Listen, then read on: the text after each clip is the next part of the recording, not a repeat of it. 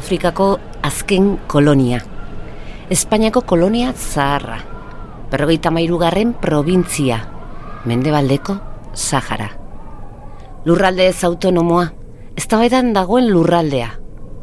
Gerran. Ondarra. Ondarra nahikoa. Mila kilometroko kostaldea Atlantikoari begira. Hori ere bai. Britania hundia bezain besteko azalera duen herrialdea. Seireun mila lagun. Basamortu, aberatsa. Oso. Hori guztia da mendebaldeko Sahara. Mila behatzeun eta irurogeita mabostetik Marokok legezkanpo okupatua du. Urteak eta urteak iraun zuen gerra ondoren, errefusiatuak basamortuaren basamortuan. Gatazka enkistatua. Berrogeita mar urte baino gehiagokoa. Zergatik?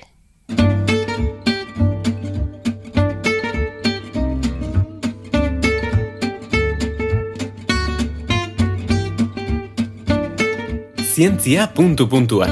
Nafarroako Unibertsitate Publikoaren divulgazio zientifikoko podcasta. Emaio zuiaten adimenari. Saharak estatus korapilatsua du. Zaila oso. Ez da lurralde independientea. Ez da Marokokoa ez da Espainiarra ere. Lurralde ez autonomoa umen, nazio batuen erakundearen arabera deskolonizatzeke dagoen lurraldea. Ze aldatu da Saharan azkeneko bergoita mar urteotan? Deus gutxi? Miseriak eta arazoak eta errefugiatuen egoera segitzen du lehen bezala ez, gaizkiago arazo gehiago. Eta kaso honetan, Saharan, ba, azken urte hauetan, gauza gero eta gaizkiago daude. E, krisis ekonomikoa izan dela eta laguntza internazionala gero eta gutxiagoa da. Hango egora, ba, esperantzaldetik eta baz, baita ere gure estudioan hasierako 2000 eta amala oma bostean garbi ikusten genuen, itxaropena falta. Ez, ez dago lanik, ez dago dirurik, ez dago ba, egitekorik esan dezakegu kanpaldietan, eta hor eh, dagoen egoera da, pues, oixe, gerra, pentsatzen zela ja momentu horretan, ba, irten bide bezala. Gure adituaren ahotsa duzu hau. Carlos Biltxez, Nafarroko Unibertsitate Publikoko Soziologia irakaslea. Saharan bertan hainbat inkerketa egin duen soziologoa. Nola llegatu dira egoera honetara? Bai, Marroko zen interesa, Mendebaldeko Sahara, mantentzea okupaturik badakigu mila beratzi eta eurogeita amabostean martxa berde izan zela, Franco hiltzekotan zegoela eta eta oso ongi aprobetsatu zuen eh, erregea, Mohamed, egun eta berroita mar mila persona basamortutik eh, joan ziren eta okupatu zuten Sahara. Eta hango biztanleak, Saharaguiak, hortika mugitu behar eta Argeliera joan behar e, basamorturan bizitzera eta horren truke, bueno, bazegoen baita ere aukera bat edo onuk bai markatutako ba, erreferendum bat egiteko, urtea jarri zen mila beratzeun eta larogeita mabi tope bezala, baina referenduna independentzia izateko, pues dikan ez da egin. Eta ematen duena da, Espainia, Frantzia, Marrokos, baitare, ba, pixkat ez dutela nahi e, referendum hori egitea.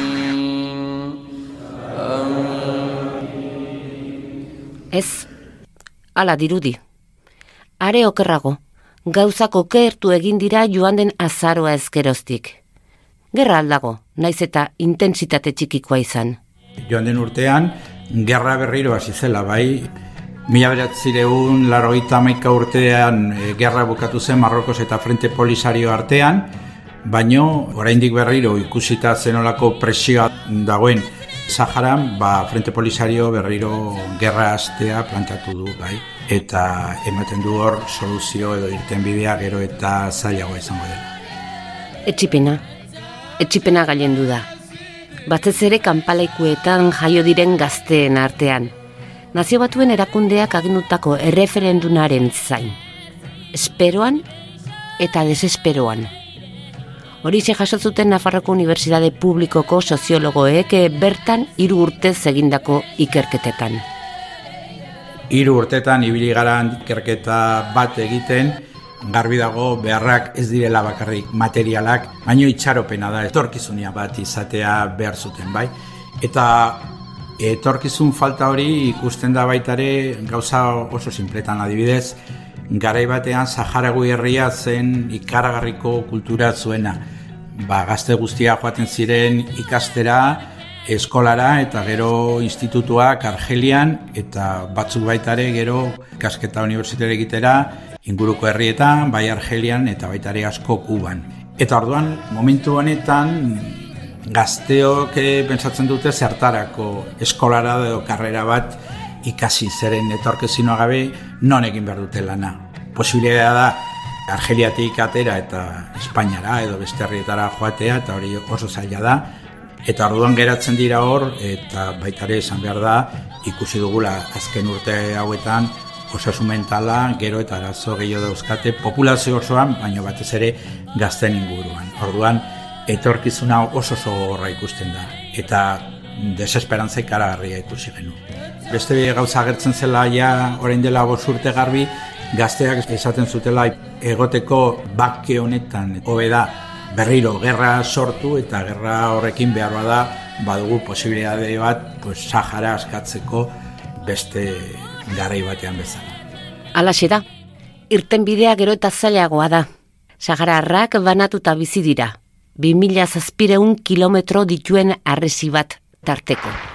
Marrokos baitare, ba egindu hor horma ikaragarri bat, 2000 zazpireun kilometrokoa, defendatzeko eta jartzeko nolabait muga bat, Sahara Mendebaldekoa eta Tinduf kanpaldietan, hor egin du, garbi ikusten da Israel jarri duela teknologia eta teknika, lagungarri izan da e, arresi hori egiteko, eta hortxeia nolabait e, muga haundi bat eginda, ba, gerran, pues, Frente Polisario, Saharan sartzeko zaitasun gero eta gehiago daude. Herria banaturik gelditzen da orduan. Bai, herria banaturik, Eta batzuk Marroko menpe, besteak basamortu, basamortuan. Basamortuan eta aratago pixkat baitare Argelian e, tinduf kanpamentuetan bizi den jendea Argeliaren babesean. Baino mm, posibilitatea pasatzeko zonalde batetik bestera gero eta zailagoa da. Eta gero bueno, esan berda, lau milioi mina antipersonalak daudela eta oso oso zaila da ez bakarri pasatzea baizik eta jendea bere animalekin, hortik ibiltzea eta bar eta bar.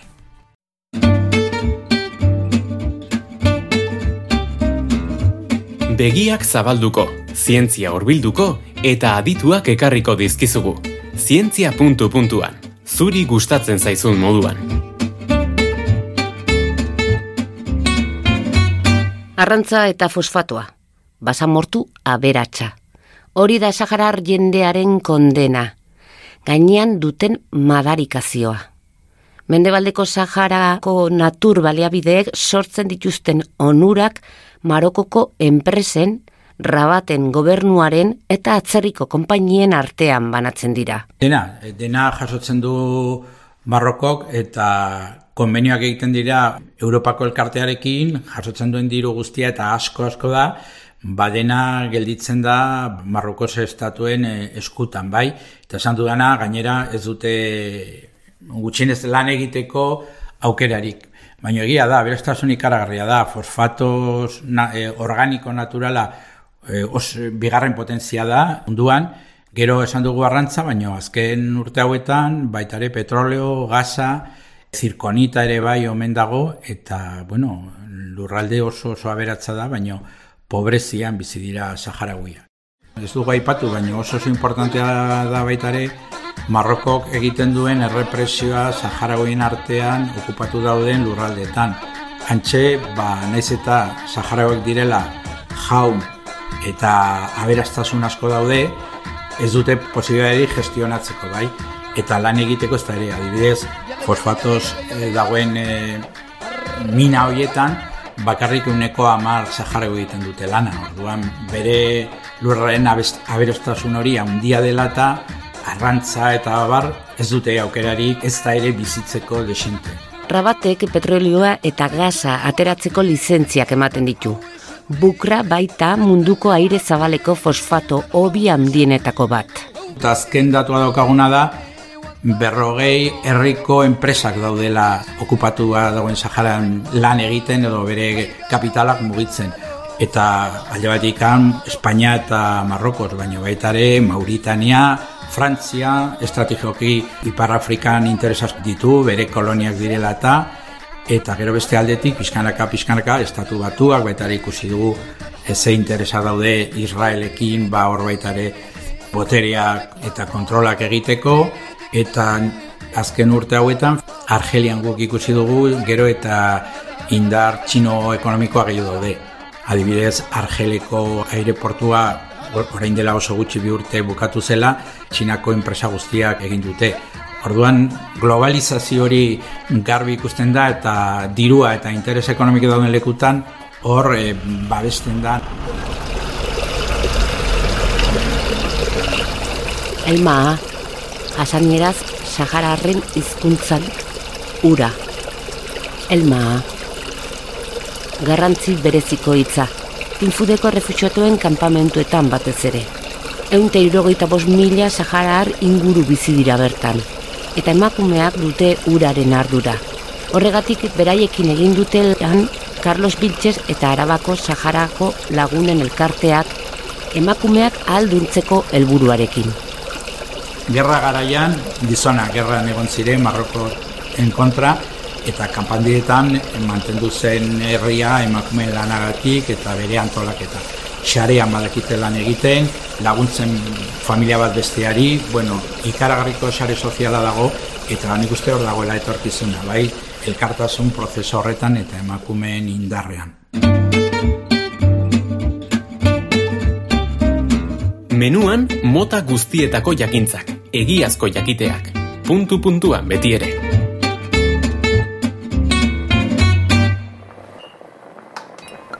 Sahara esaten badut zer etortzen zaizu burura? Tristezia bai pixka bat. Olako herria, olako jendea nahi duela independentzia eta bizitzea berez lurraldetan, bai, pena, ba, gero inguruan dauden herriak eta internazionalkiz nola utzi dugun laguntzari gabe. Eta polisario? Mugimendu sozial eta politiko bat kritika bat egin beharko duenan. E, kontesto asko aldatu egin da, badaude ikuspegi diferenteak, egitura berritu behar da, jende gaztea sartu behar da, eta bat ezaren ikuste emakumeak botere real bat hartu behar dute. Marroko? Diktadura baten errege bat dagoela, eta interes ekonomikoak mantentzeko kapaz dela jendea sakrifikatu, bere biztanleak mugitu. Espainia? Ba, mila beretzen eta irurogeita amabos urtea, ba, franko hilta, ba, aukera, kolonialismo hori irten bide on bat emateko, erreferenduna egiteko, eta galdu du ba, protagonismo eta zuzendaritza hori eramatea, eta ez du ematen aurrera gauzak aldatuko direnik. Importantea da Espainia liderazgo bat eramatea, hau lehen, bai lehen, irten bide bat eta gatazka hau soluzionatzeko. Nola izan gaztea, baso mortuan? Bueno, gaztea izatea oso gogorra. Oso gogorra eta nik uste beraiek hartu behar dutela berezkuetan baita ere etorkizuna. Eta postu hori egin dute gerra martxan jartzea irten bide bezala, baina nik uste baita ere bilatu behar direla beste bideak. Emakume Zahara guia indarra eta potentzia irten bide hori lortzeko eta diskurso eta borreko honetan kapazidade analitiko diferente bat eta ikuspegi diferente bat ikusteko. Nik itxaropen asko daukat, baino boterea lortu behar dute. Zeren egarri da, Sahara? Ez bakarrik uraren egarria, baizik eta justizia egarria eta berdintasuna eh, lortzeko egarria. Espero daude. Bitartean, Europar Batasuneko auzitegiak berriro esan du Mendebaldeko Sahara ez dela Marrokokoa, nazioarteko zuzenbidearen arabera. Bere erabakiarekin bat, bere lurraldea edo ura barne hartzen duen edo zein akordiok argi utzi behar du bi erakunde desberdin direla. Horren ondorioz, bertan bera utzi ditu Europak eta Marrokok sinatu berri dituen arrantza eta nekazaritza akordioak zientzia puntu puntuan entzun duzu. Nafarroako Unibertsitate Publikoaren podcasta. Gozatu zientziaz.